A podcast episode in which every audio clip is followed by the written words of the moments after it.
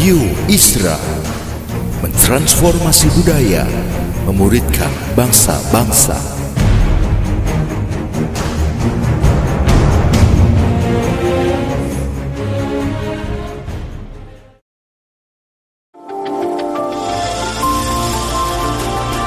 Voice of Pradaim menyuarakan paradigma kebenaran firman Tuhan yang esensi untuk memperlengkapi Anda menggenapi misi dan panggilan ilahi. Selamat mendengarkan.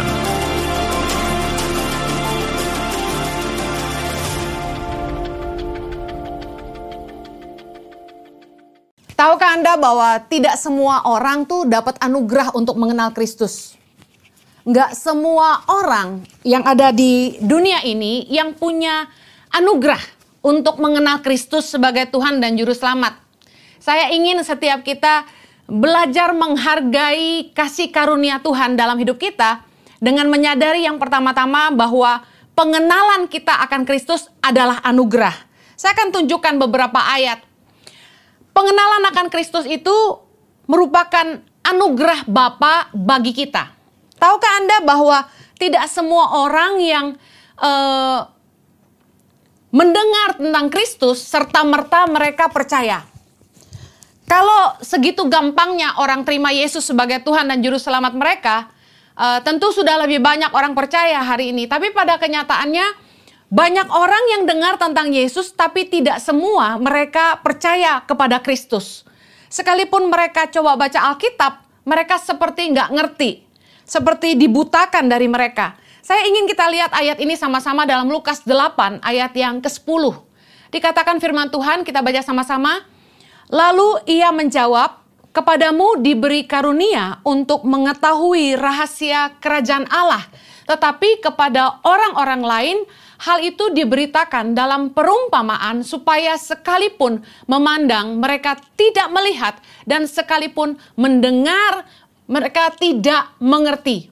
Saya ingat waktu masih SMA, saya mencoba uh, memenangkan kakak kandung saya ya yang saat itu belum kenal Tuhan. Saya uh, coba kasih tahu dia tentang Yesus, saya coba uh, cerita tentang uh, keselamatan yang saya terima.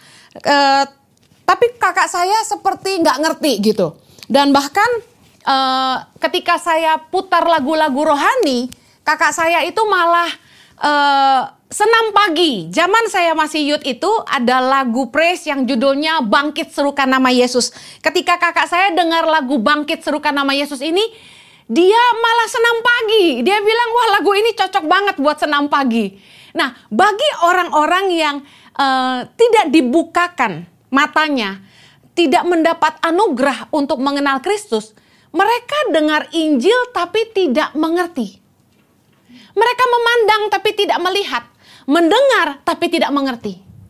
Jadi kalau kepada kita diberitakan rahasia kerajaan Allah, kita bisa ngerti kebenaran, bisa mempercayai bahwa Yesus sudah datang dan mati buat dosa-dosa kita.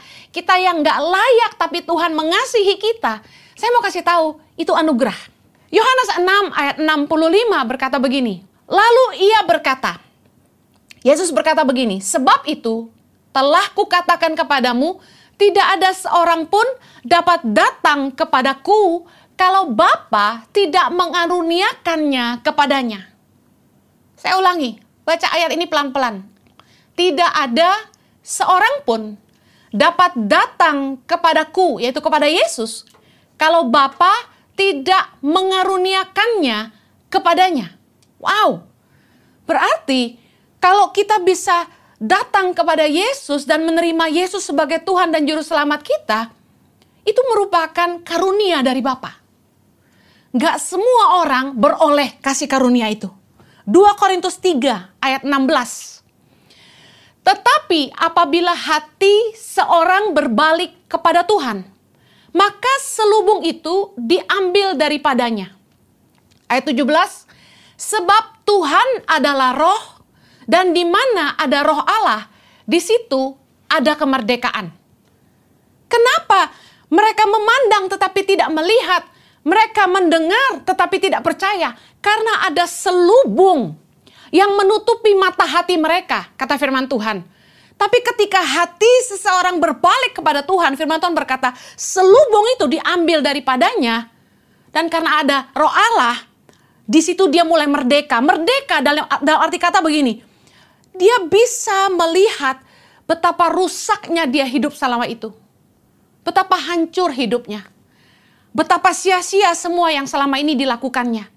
Tahukah Anda bahwa orang-orang yang selubung itu belum diambil dari mata hati mereka, mereka nggak sadar kalau mereka hidup dalam dosa. Bagi mereka, berbuat zina itu biasa. Bagi mereka, mencuri itu biasa. Bagi mereka, menipu itu biasa. Bagi mereka, korupsi itu biasa. Bagi mereka, berbuat jahat sama orang itu biasa. Iri hati itu lumrah bagi orang-orang yang selubung itu belum diangkat daripada mata hati mereka, mereka nggak sadar kalau mereka hidup di dalam dosa. Tetapi ketika selubung itu diangkat dari mata hati kita oleh roh Allah, di situ ada kemerdekaan yang artinya kita dimerdekakan dari belenggu dosa. Kita yang buta, kita menjadi melihat. Melihat bahwa selama ini kita hidup sia-sia saya nggak tahu bagaimana pengalaman Anda ketika Anda pertama kali dijamah sama Tuhan. Tapi yang terjadi sama saya adalah saya ingat satu hari saya diajak ke ibadah yud. Waktu itu saya belum kenal Tuhan sama sekali. Saya duduk di kursi dan saat itu juga tiba-tiba roh kudus mengingatkan saya akan hidup saya yang sia-sia. Berapa banyak dosa yang saya sudah buat yang tentu saja orang nggak ada tahu. Cuma Tuhan yang tahu. Dalam 1 Korintus 12 ayat 3 dikatakan gini. Karena itu Aku mau meyakinkan kamu bahwa tidak ada seorang pun yang berkata-kata oleh roh Allah dapat berkata terkutuklah Yesus dan tidak ada seorang pun yang dapat mengaku Yesus adalah Tuhan selain oleh Roh Kudus. Tahukah Anda bahwa pengenalan kita akan Kristus di titik di mana kita lahir baru merupakan pekerjaan Roh Kudus yang memerdekakan kita dan mengangkat selubung itu dari mata hati kita. Hargailah kasih karunia Tuhan. Karena pengenalanmu akan Tuhan merupakan anugerah. Yang berikutnya, pengenalan akan Tuhan tidak membuat kita kebal dosa. Yang percaya katakan amin. Setelah kita mengenal Kristus, dalam perjalanan kita menjadi seorang percaya, kita mengalami kelahiran baru, kita sadar akan segala dosa-dosa kita, lalu kita memutuskan, saya mau bertobat, saya mau ikut Tuhan sungguh-sungguh. Tapi perjalanan kita tidak selalu mulus. Kita diperhadapkan sama masa lalu, yang kemudian kita juga diperhadapkan dengan keinginan-keinginan, godaan-godaan untuk berbuat dosa lagi. Contoh, CLBK, cinta lama bersemi kembali. Pacar lama yang dulu uh, bikin kita hidup dalam dosa, mulai balik lagi ke hidup kita. Kita sudah nikah, mereka mulai WhatsApp dan tanya, apa kabar? Sudahlah, saya sudah ngalami, bergetar-getar juga rasanya, bukan? Ketika kita lahir baru, ketika kita ikut Tuhan, bohong kalau kita nggak pernah tergoda buat jatuh dalam dosa. Apalagi ibu-ibu yang keranjingan nonton film Korea. Lihat di TV, pria-pria ganteng pakai make up, pakai lipstick. Kelihatan begitu mempesona dengan rambut yang aduhai ngejabriknya. Di keriting sana, keriting sini, mulus, hidung mancung, bibir tipis. Ternyata bukan laki-laki saja yang suka perempuan berbibir tipis. Perempuan pun doyan. Ketika selesai bubar nonton TV karena berseri, uh, udah capek tidur, begitu lihat ke kanan, ih suami tidak seganteng artis Korea. Banyak godaan-godaan di dunia yang membuat kita bahkan berimajinasi untuk berselingkuh. Anak-anak muda, orang-orang dewasa, orang tua, kita semua ngalami godaan-godaan hidup. Anak-anak muda di dunia yang begitu bebas saat ini diperkenalkan dengan budaya-budaya asing budaya luar negeri yang uh, membuat kita memaklumi uh, hubungan di luar nikah itu sah katanya. Kemudian meskipun belum menikah bisa tinggal bersama-sama katanya. Kemudian orang-orang dunia mulai meletakkan sebuah standar yang seolah-olah itu lumrah. Padahal itu adalah dosa. Di sinilah, di titik inilah, dalam perjalanan iman kita mengikut Kristus. Iman kita dan kasih kita kepada Tuhan mulai diuji. Apakah betul kita percaya kepada Tuhan? Apakah betul kita telah menyerahkan hidup kita sungguh-sungguh kepada Kristus? Dan apakah betul kita sungguh-sungguh mengasihi Tuhan? Slide berikutnya saya ingin mengingatkan kepada kita semua, jangan menyia-nyiakan kasih karunia Allah. Orang dunia bilang jatuh bangun dalam dosa itu biasa. Bahkan bukan cuma orang dunia. Orang percaya juga berkata, ah jatuh bangun dalam dosa itu biasa. Siapa yang gak pernah berbuat dosa? Tidak ada seorang pun yang sempurna. Saya mau kasih tahu, jatuh bangun dalam dosa itu tidak biasa. Ada orang-orang yang berdoa minta ampun sama Tuhan, tapi bikin dosa lagi. Yang lebih gawat gini, para pelayan Tuhan. Shocking. Hari Minggu habis melayani di gereja, bubar gereja bikin dosa. Kita harus mengerti bahwa jatuh bangun, jatuh bangun dalam dosa itu salah itu merupakan tindakan mempermainkan kasih karunia Allah. Galatia 6 ayat 7 berkata, jangan sesat. Allah tidak membiarkan dirinya dipermainkan. Karena apa yang ditabur orang, itu juga yang akan dituainya. Saya ingatkan sekali lagi, lagi jangan menyanyiakan kasih karunia Allah. Saya ingin share secara tepat, apa sih arti pertobatan yang sesungguhnya? Pertobatan membutuhkan tekad yang kuat untuk sungguh-sungguh berhenti berbuat dosa. Mungkin ada pertanyaan begini, e, Kak Heni, Bu Heni, bagaimana sih caranya kita bisa menang atas dosa? Saya mau kasih tahu, segala macam pelajaran yang saya udah dengar, kalau Anda tidak mau jatuh jatuh dalam dosa, doa. Yes, saya setuju. Puasa. Yes, melatih kita menguasai diri. Tapi ini yang saya mau tekankan pertobatan itu membutuhkan tekad yang kuat. Arti dari pertobatan dalam bahasa aslinya adalah metanoia, yang artinya berbalik 180 derajat. Apa yang membuat Anda jatuh hari ini? Selingkuh? Metanoia artinya tambahkan kata tidak di semua kebiasaan dosamu. Tambahkan kata tidak di setiap kebiasaan burukmu Dosamu apa? Berbohong. Jangan berbohong lagi. Selingkuh, jangan selingkuh lagi. Mencuri, jangan mencuri lagi. Pertobatan artinya berbalik 180 derajat. Matius 3:8 berkata, "Jadi hasilkanlah buah yang sesuai dengan pertobatan." Saya ingin mengingatkan bahwa pertobatan dan lahir baru memang karya Roh Kudus dalam hidup kita. Tetapi untuk hidup dalam kebenaran membutuhkan tekad yang kuat untuk taat. Tuhan itu mau dengan kesadaran penuh kita menolak dosa. Karena kita menghargai kasih karunia-Nya. Di awal khotbah ini saya dasari dulu dengan sebuah pengertian bahwa keselamatan yang kita terima hari ini dalam Yesus Kristus Tuhan merupakan anugerah merupakan karunia Bapa yang harus kita hargai dalam hidup kita. Bagaimana kita menunjukkan penghargaan kita kepada Tuhan adalah dengan menghidupi kebenaran. Pertobatan lahir baru, yes, itu urusan Roh Kudus. Karunia Bapa bagi kita. Tetapi untuk hidup dalam kebenaran, sungguh-sungguh membutuhkan tekad yang kuat untuk kita taat. Roma 6 ayat 17. Kita baca sama-sama. Tetapi syukurlah kepada Allah, dahulu kamu memang hamba dosa. Tetapi sekarang kamu dengan segenap hati telah mentaati pengajaran yang telah diteruskan kepadamu. Jadi, dari keinginan hati kita sendirilah yang harus lahir keinginan berhenti berbuat dosa. Saya bayangkan seperti ini kita tidak mungkin mau uh, memakai santet untuk membuat pasangan kita cinta sama kita.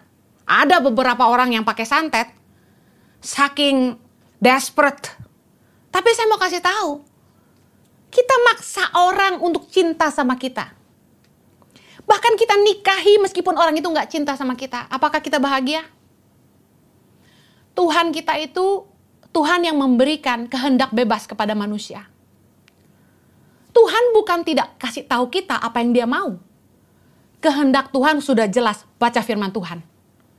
Tapi pilihan kita untuk mau tidak kita menghidupi kebenaran yang Tuhan mau, apakah kita mau mencintai Tuhan dengan hidup kita?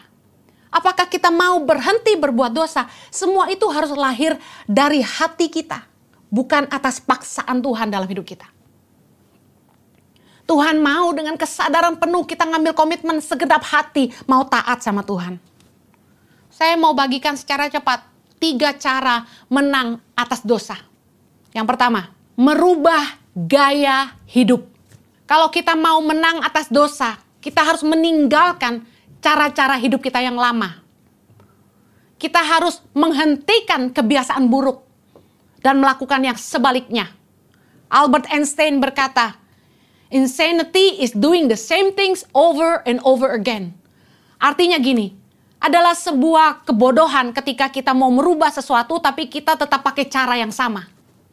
Kalau kita mau bertobat, kita mau hidup kita berubah, kita mau menang atas dosa, kita harus meninggalkan cara-cara hidup kita yang lama. Dua Tawari 7 ayat 14 berkata, dan umatku yang atasnya namaku disebut merendahkan diri, berdoa dan mencari wajahku, lalu berbalik dari jalan-jalannya yang jahat, maka aku akan mendengar dari sorga dan mengampuni dosa mereka serta memulihkan negeri mereka.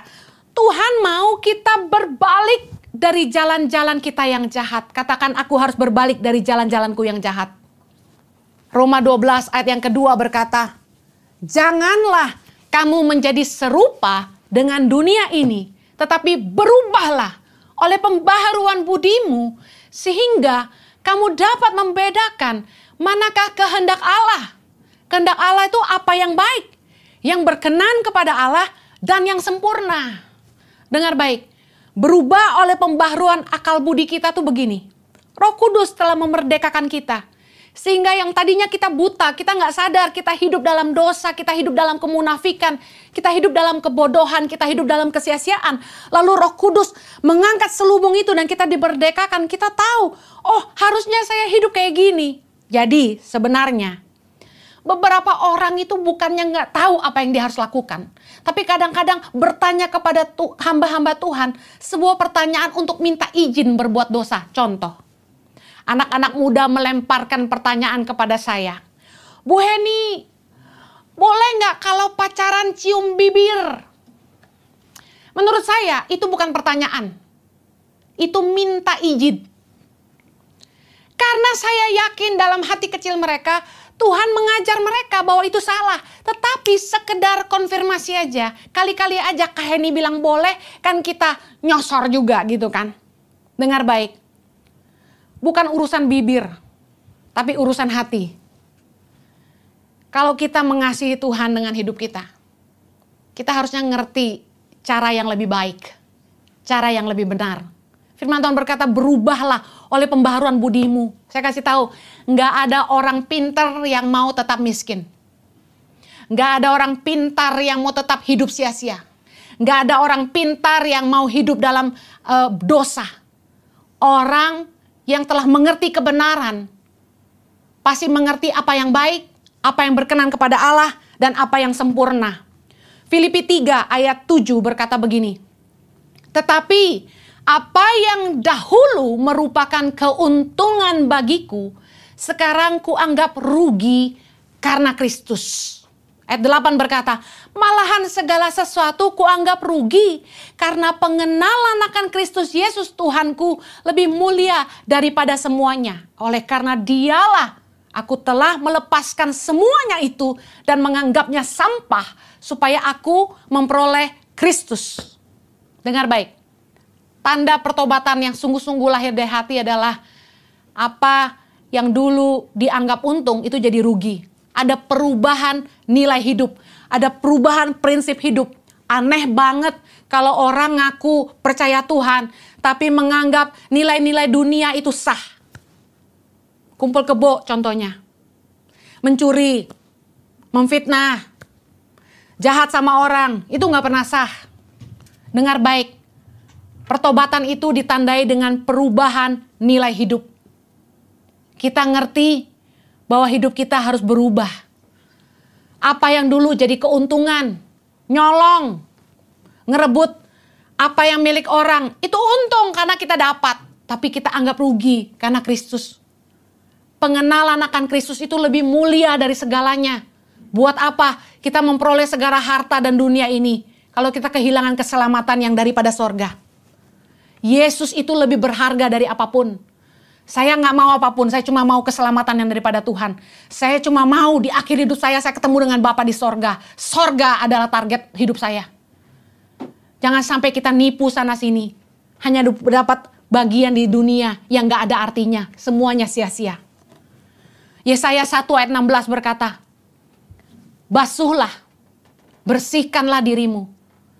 Jauhkanlah perbuatan-perbuatanmu yang jahat dari depan mataku berhentilah berbuat jahat, belajarlah berbuat baik, usahakanlah keadilan, kendalikanlah orang kejam, belahlah hak anak-anak yatim, perjuangkanlah perkara janda-janda. Dengar baik, kita harus berubah dari cara hidup kita yang lama, berhenti berbuat jahat, tapi malah belajar berbuat baik. Kalau kita mau mulai hidup baru di dalam Tuhan, fokus hidup kita harusnya kepada hal-hal yang baik, kepada hal-hal yang mulia. Bukannya kita tidak adil, malah kita jadi kejam sama orang, malah kita nekan anak yatim, malah kita nekan janda-janda. Tapi sebaliknya, kita harusnya rajin berbuat baik. Saya ingin uh, akhiri poin pertama ini dengan ini. Kalau Anda ingin menang atas dosa, jangan lagi fokus hidup untuk diri sendiri Salah satu cara untuk kita menjaga hidup kita baik dan benar adalah dengan memagari hidup kita dengan orang-orang yang kita layani. Berbagi hidup, tidak hidup untuk diri sendiri, tapi hidup kita berbuah dan berdampak bagi banyak orang, dan fokus hidup kita jadi berkat bagi banyak orang. Mari belajar melayani orang-orang di sekitarmu. Kenapa? Dengan melayani, kita punya rasa tanggung jawab atas jiwa-jiwa yang kita layani, dan kita pun dipaksa untuk jaga hidup kita jadi teladan. Jiwa-jiwa yang kita layani ini menjadi pagar yang menjaga kita untuk tidak jatuh dalam dosa, karena kita harus jaga hidup kita jadi teladan bagi mereka. Bahkan ketika kita konseling sama mereka, ketika mereka punya masalah curhat sama kita, saya yakin leader-leader galami ini bahwa ketika kita jawab masalah orang lain itu sebenarnya jawaban buat masalah kita sendiri. 1 Korintus 9 ayat 27, kita baca sama-sama. Tetapi aku melatih tubuhku dan menguasainya seluruhnya supaya sesudah memberitakan Injil kepada orang lain jangan aku sendiri ditolak. Bagaimana kita melatih tubuh kita dan menguasai diri kita supaya kita nggak jatuh dalam dosa, yaitu dengan memberitakan Injil kepada orang lain. Kita belajar melayani orang lain dan kita memastikan gini, jangan sampai gue beritain Injil, ntar gue sendiri ditolak.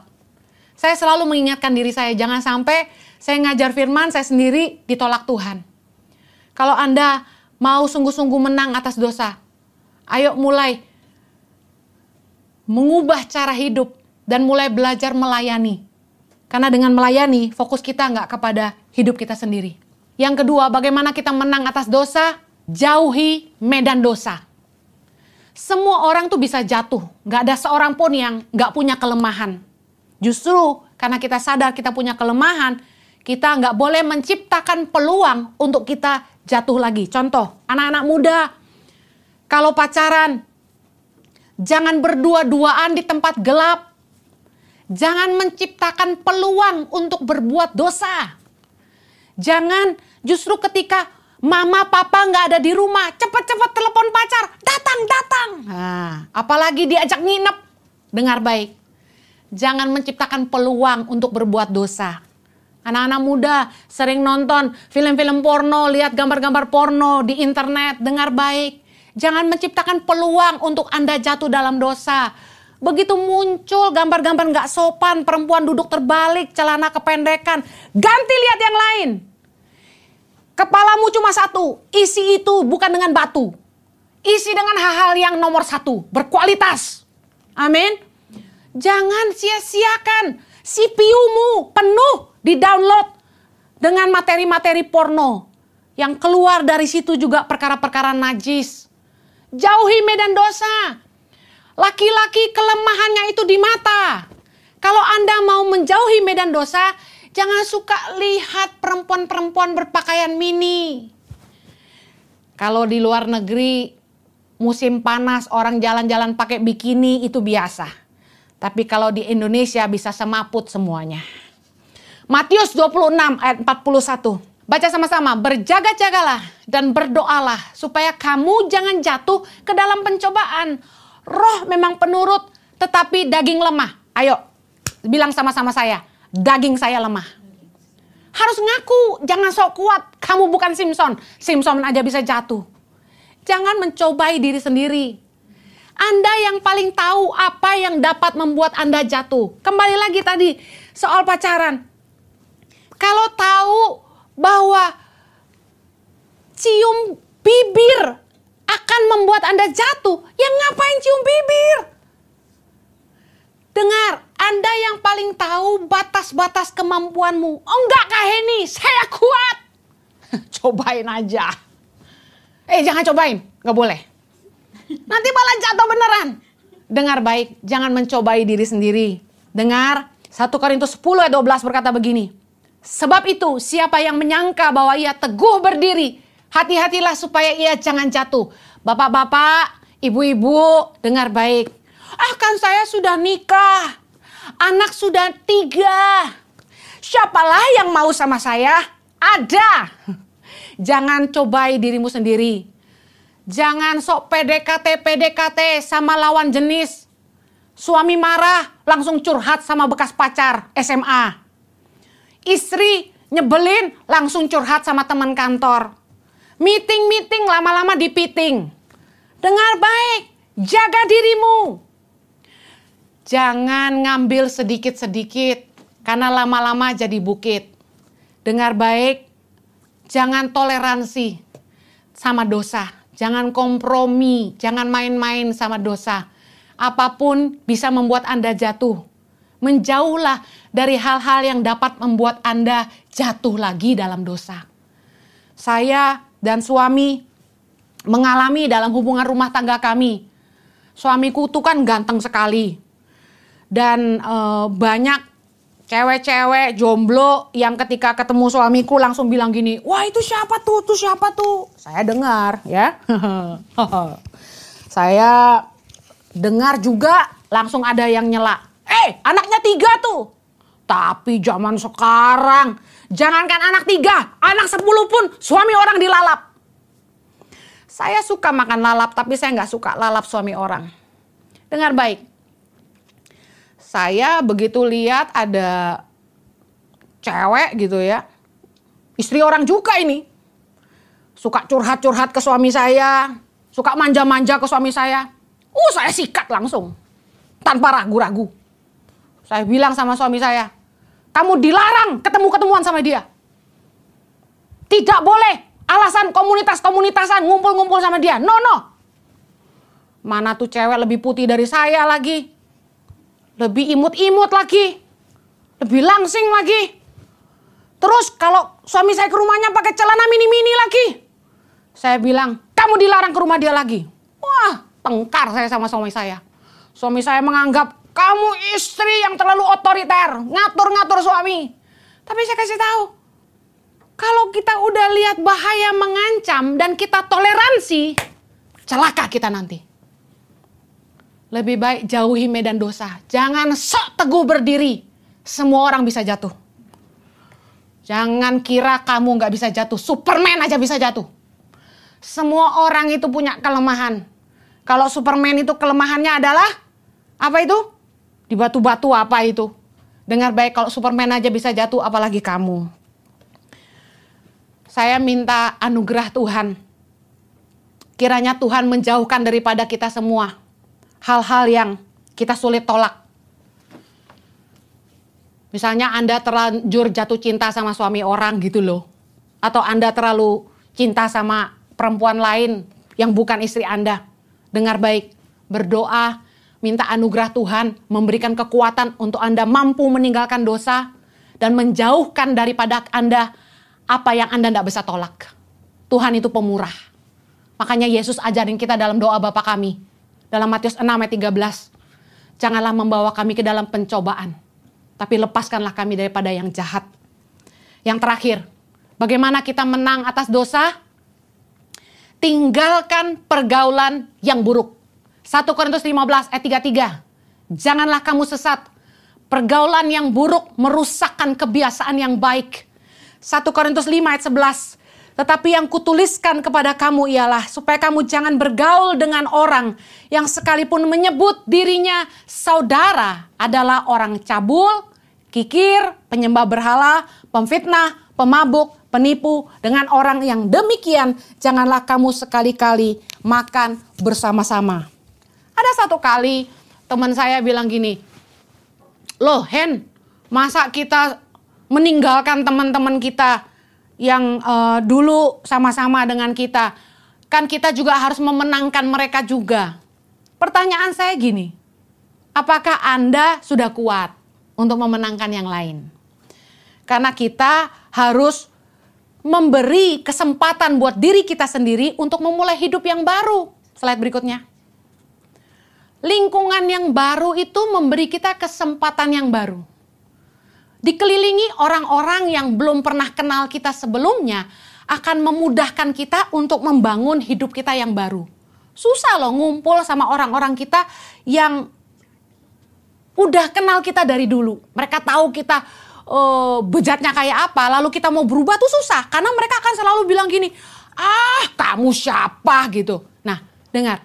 Kita harus memberi kesempatan pada diri kita untuk memulai yang baru dengan berada di lingkungan yang baru. Berada bersama dengan orang-orang yang terus membawa kita jatuh bangun dalam dosa, nggak akan menolong kita untuk bertumbuh. Orang yang hidup di masa lalu tuh nggak bisa maju. Dengar baik, kelilingilah dirimu dengan orang-orang yang dapat menolong hidupmu lebih baik. Tiga ciri hubungan yang sehat. Yang pertama, menyegarkan jiwa. Jiwamu disegarkan Bukan untuk hal-hal yang porno loh ya. Yang kedua, mengarahkanmu ke arah hal-hal yang positif. Kita dibawa hidup kita ke hal-hal yang lebih baik, lebih maju, lebih bermanfaat, menjadikan hidup kita jadi berkat. Dan yang terakhir, hubungan yang sehat itu mempertajam kita. Contoh, kekuatan kita misalnya dalam hal uh, sosial media. Kalau kita nongkrong sama orang yang ahli di sosial media, kita akan diajar bagaimana memanfaatkan sosial media itu untuk hal-hal yang positif. Pikiran kita dipertajam. Saya senang duduk dengan orang-orang yang bisa ngajarin saya tentang bagaimana mengelola keuangan dengan baik. Di akhir khotbah saya, saya ingin tutup dengan ini. Cintailah Tuhan dengan hidupmu. Ingat baik-baik. Apa pun yang kita miliki hari ini, apa yang sudah kita bangun selama ini tuh dapat hilang begitu aja hanya gara-gara satu keputusan yang salah. Jangan menghancurkan apa yang sudah kita bangun dengan susah payah. Pikirkan berapa banyak orang yang akan jadi kecewa sama hidup kita. Apalagi mereka imannya jadi lemah apabila kita sampai bertindak gegabah. Saya tutup dengan uh, satu kesaksian dalam perjalanan pernikahan saya sama Jojo, kami ngalami badai angin, topan, banjir dan sebagainya ya. Aduh pusing pokoknya. Kami sudah lewati banyak sama-sama. Ada di satu titik dalam perjalanan pernikahan kami, saya sama Jojo sama-sama hampir menyerah. Jojo udah capek sama saya, saya juga udah muak sama Jojo. Kami berdua sempat mau melepaskan tangan kami. Tapi ini yang saya belajar. Bahwa apa yang sudah kita bangun sama-sama dengan susah payah itu bisa hancur dalam sekejap mata. Oleh karena keputusan yang salah. Saya mulai mikirin anak-anak saya, anak-anak asuh saya, staf-staf kami, jemaat yang kami layani, para partners. Kalau sampai kami ngambil keputusan yang salah, semuanya hancur. Apalah artinya sebuah kebahagiaan sesaat yang kita rasa kalau kita harus kehilangan segala-galanya termasuk sorga. Ayo bertumbuh nggak cuma dengar khotbah ulang-ulang tiap minggu. Tapi hidup sungguh-sungguh menang atas dosa. Supaya hidup kita juga bisa jadi teladan buat hidup banyak orang. Radio Isra mentransformasi budaya, memuridkan bangsa-bangsa.